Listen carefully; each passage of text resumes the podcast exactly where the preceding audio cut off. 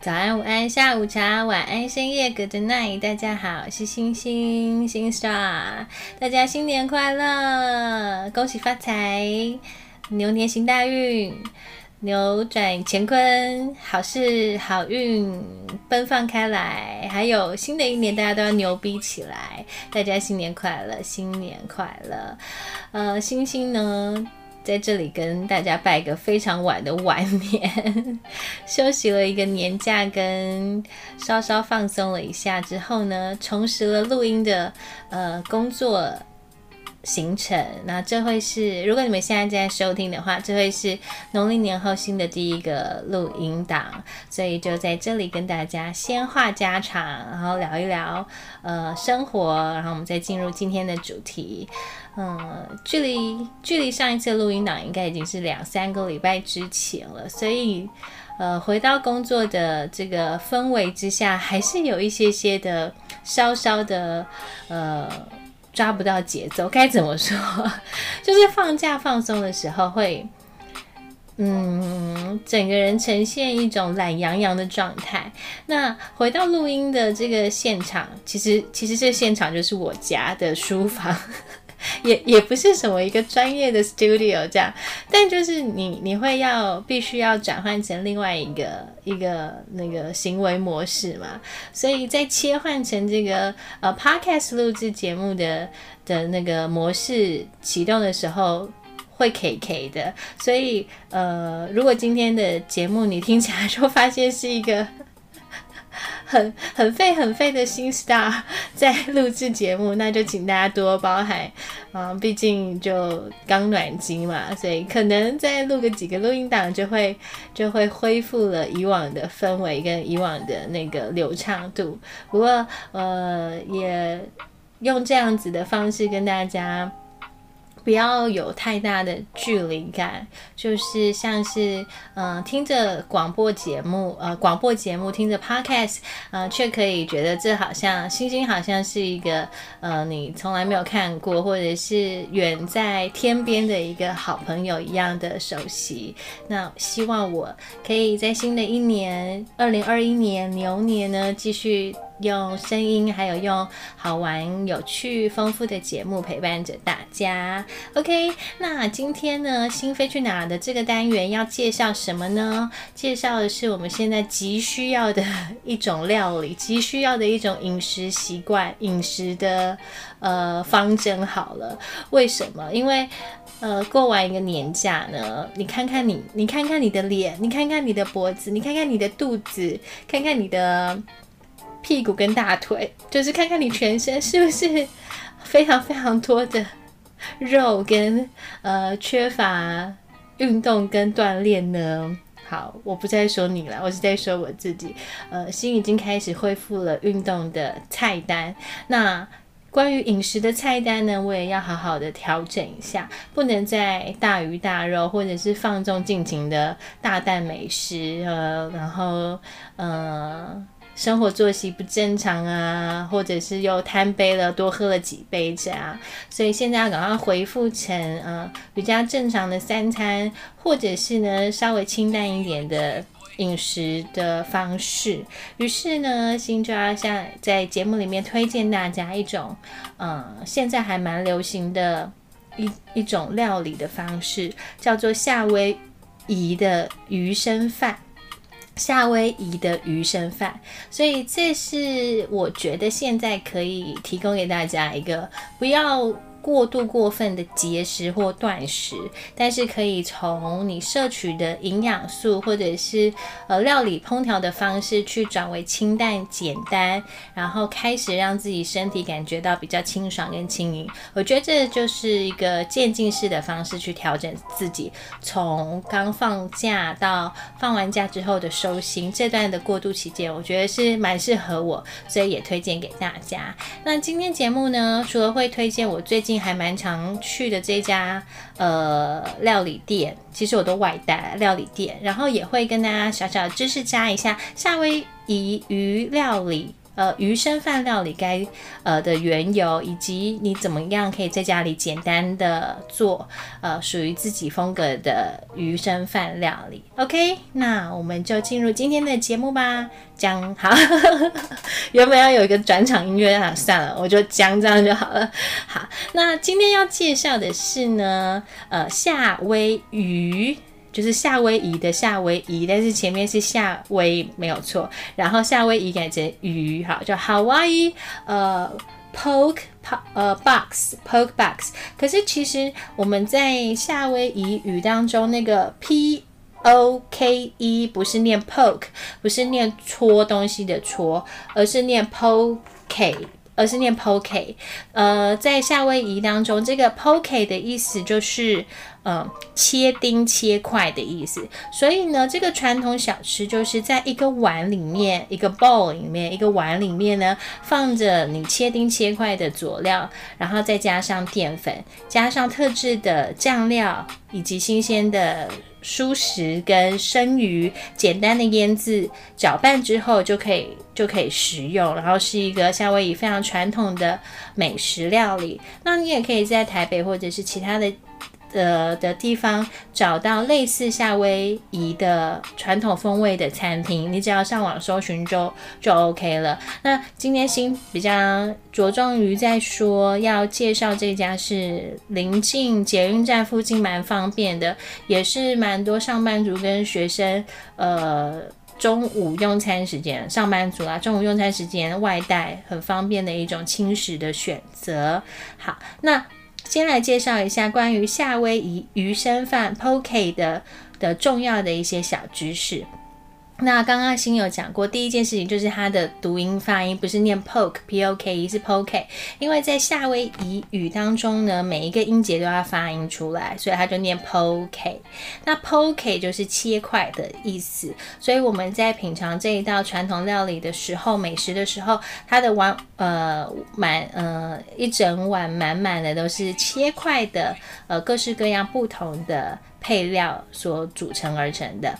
那有些人会说这是日本冻饭的前身，其实这个这个说法大家有待查证或是考察，但的确就是一个碗当中，呃，底下呃铺着米饭，然后上面有非常多的佐料。好，那早期呢，这个夏威夷的料理呢，它的鱼不是我们现在可以选择的，呃，尾鱼或者是鲑鱼。早期最早最早，当地人生活，他们渔民是将小的珊瑚鱼切成细条细条状哦，那时候还不是块状，是细啊细块状，很细的块状，然后做成生鱼片。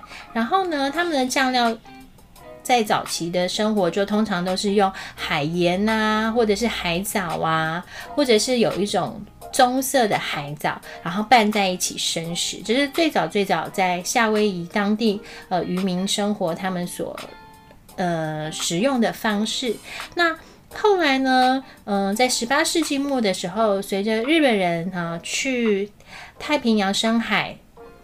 探险或者是探索，然后有了这个文化的交流之后呢，这个 poke 的鲜鱼原本的小珊瑚鱼呢，就变成 tuna，就变成尾鱼，就变成尾鱼了。那而到现在，现代人的选项又更多了，就加加上大家会吃的呃鲑鱼、三文鱼、鲑鱼，那为目前最受欢迎的食材。那无论是 tuna。嗯，尾鱼或者是八爪鱼，呃，都会是比较经典的。Poke 它的那个食用鱼的的选择食材，那可能是因为配合不同的地方或者是国家所食用的习惯也好，觉得在台湾，嗯，也比较常是尾鱼跟鲑鱼的搭配。那在夏威夷当地呢，除了这个传统小吃很受欢迎之外呢，Poke 它其实有各式各样的店，遍布在世界各地。因为它其实是很清爽，而且营养素都有包含到。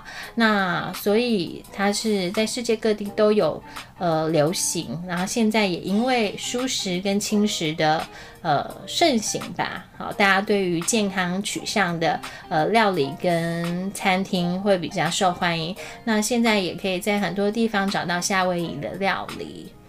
那其实，在过去传统当中呢。Poke 的那个食材当中，其实不像现在，比如说你花 Instagram 或者是你花呃所有的网页看到的五彩缤纷，呃，在以前呢，呃是没有那个。凤梨的，就是它的配料是没有凤梨的。那现在，因为大家为了不管是健康也好，或者是为了配色也好，或者是为了吸睛也好，它上面的配料会越来越多。那也会也发发展出不同的酱汁。但是早期在西呃夏威夷当地，就是很简单的生鱼，然后几个海藻或者是佐料，然后再加上咸咸的。或是咸咸辣辣的酱汁拌着吃而已啊，所以如果你对于这个夏威夷料理很感兴趣的话，不妨就是听完今天的节目之后，上网搜集一下，然后去体验看看。心是非常喜欢这样子的料理方式，因为很简单又很清爽，而且又可以一口气吃到非常多不同的呃不同的食材。好。那这就是它的简单的缘由。那在家里面我们可不可以做呢？因为刚刚有讲到，其实食材其他的蔬食或是水果，你都可以自行去搭配。你可以搭配高丽菜丝，你可以搭配秋葵，你可以搭配花椰菜，你可以搭配呃水煮蛋，你可以搭配红萝卜，你可以搭配毛豆。其实它没有说你一定要搭配什么，那主要是那个呃蛋白质。那蛋白质的话，最接近最接近传统的 poke 的就是呃生鱼生鱼腌制的的食材。那很简单，你就是呃买，比如说五百克左右的生鱼片、尾鱼或鲑鱼，然后切成小块。那先腌制，因为它就是需要有一点时间让它的那个酱汁入味。那你可以腌制的最简单的方式就是酱油口味的。啊，你可以搭配五百克，你可以搭配三匙的酱油、蚝油，还有一点点芝麻油、一点点蒜、一点点葱，然后抓一下、搓揉一下，然后放置个五分钟。如果你想要加一点点辣度，也可以加一点点辣油或是辣椒粉，拌在一起之后，然后。要让它腌制，所以不是马上食用，你可以放在冰箱一个小时之后呢，那你的生鱼的腌制就大功告成。再加入你喜欢的食材，去铺在你的碗里面或是盘子里，我觉得放在碗里面那样比较方便吃嘛。那你就放在碗里面，然后一个一个一个把你的食材摆上去，再拌匀。就可以享用。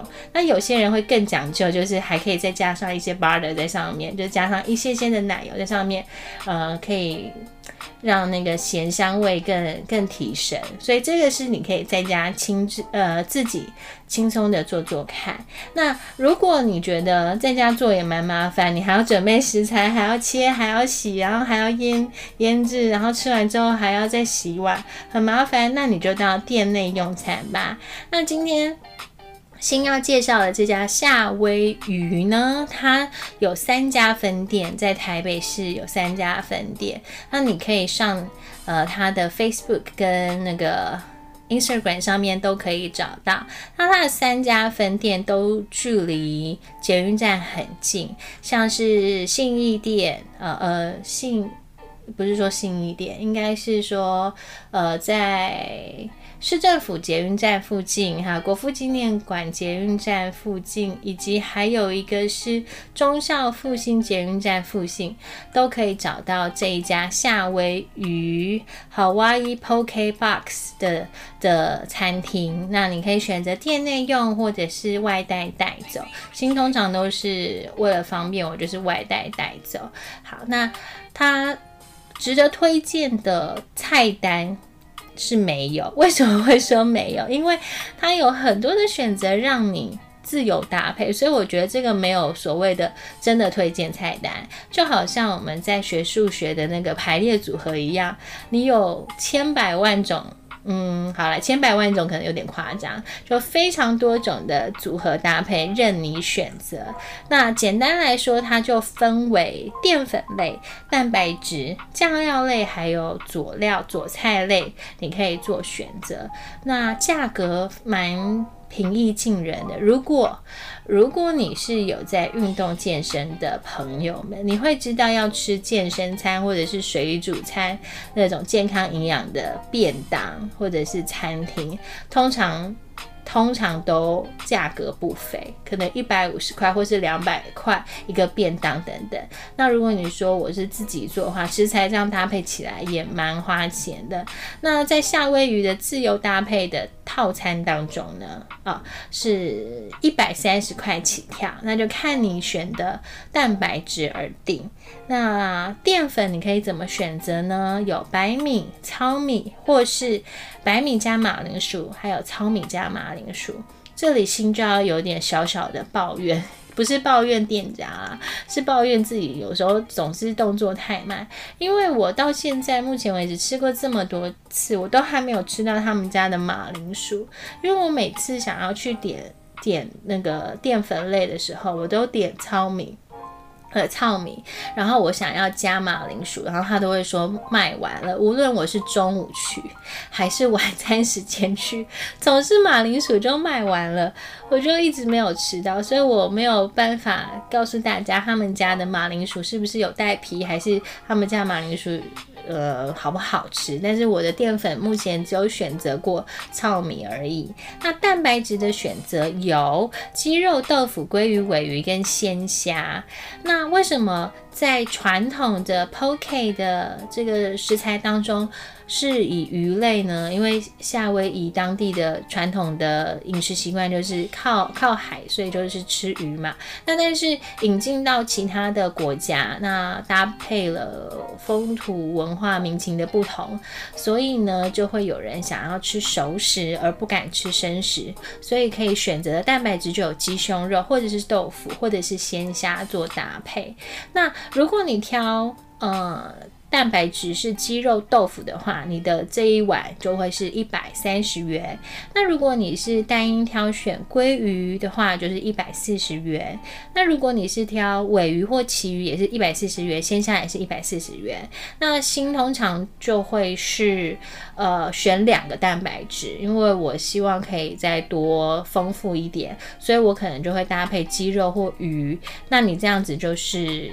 一百三十元，如果如果你是要点鸡胸肉的话，就一百三十元，再加上四十元，就是鲜鱼或鲜虾四十元，鸡肉或豆腐就是三十元，再再增加额外再增加那个费用就可以了。我觉得你点一到两个蛋白质，都可以把价格压在两百元以内，我算我觉得算是蛮蛮划算的。如果你想要一口气吃到这么多的食材跟蔬菜的话，好。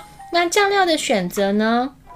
在这家店里面有四种酱料，那四种酱料新都吃过。呃，第一种是夏威夷的酸经典酸甜酱，第二个是日式的经典胡麻酱，第三个是西班牙的烟熏酱、熏味酱、熏辣酱，第四个是墨西哥的火辣美乃滋。那新最喜欢、最常吃的应该是西班牙的熏辣酱。呃，没有什么特别的原因，是因为这四个吃起来，我觉得四种口味都很好吃。但是因为我觉得，呃，我自己啦，就是想要在这个生食，然后鸡胸肉以及很多的蔬菜、蔬果，呃，蔬菜中。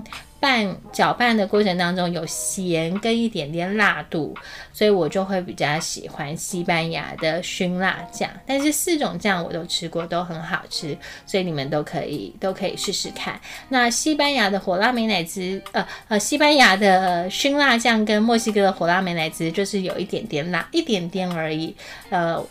如果你喜欢吃辣或者喜欢吃呃丰富口味的话，就推荐你可以优先选择西班牙跟墨西哥的酱料。好，佐菜呢，它提供了十六种，你可以选六种。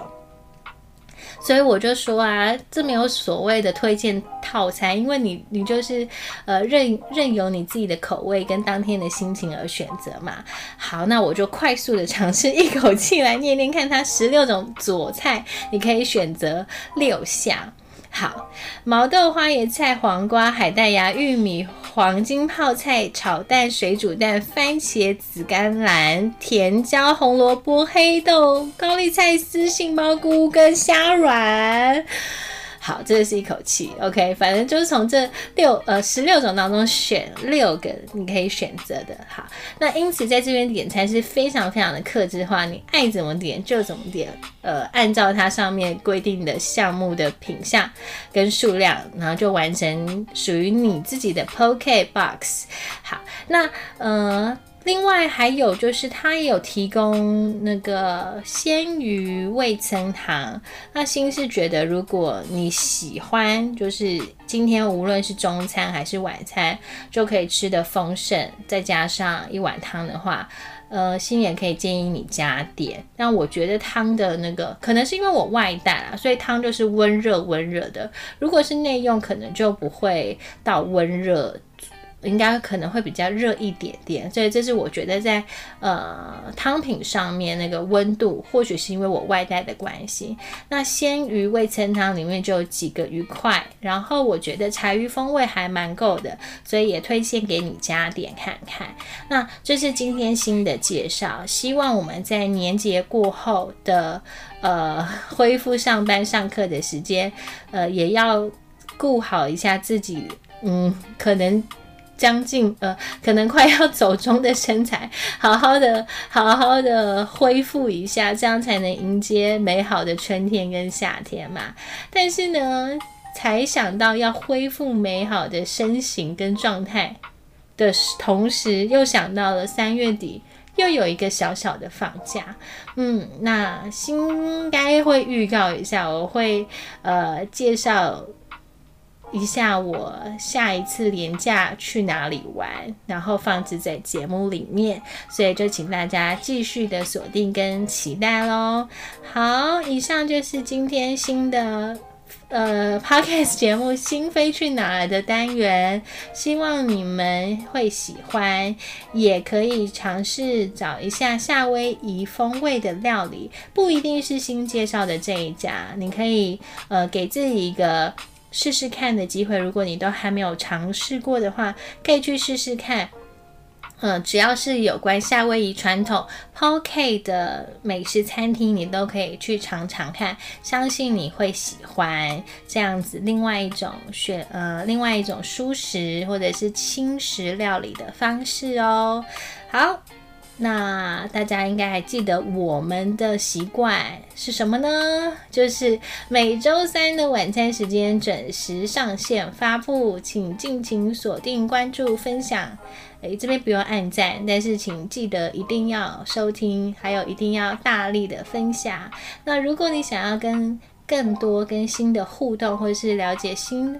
呃，平常的生活，或者是反正就是想要知道我更多更多的话，就可以请点开节目的公告，或者是一开始的页面，追踪我的呃个人的 Instagram，就可以了解多一点新的生活跟样貌了哦。OK，希望你们会喜欢今天的节目，我是星星星 star，那我们就。哎，我等一下的晚餐决定就要吃，呃，夏威夷哈，我已经不知道这个月吃了几次了。OK，那我们就下次见，拜拜。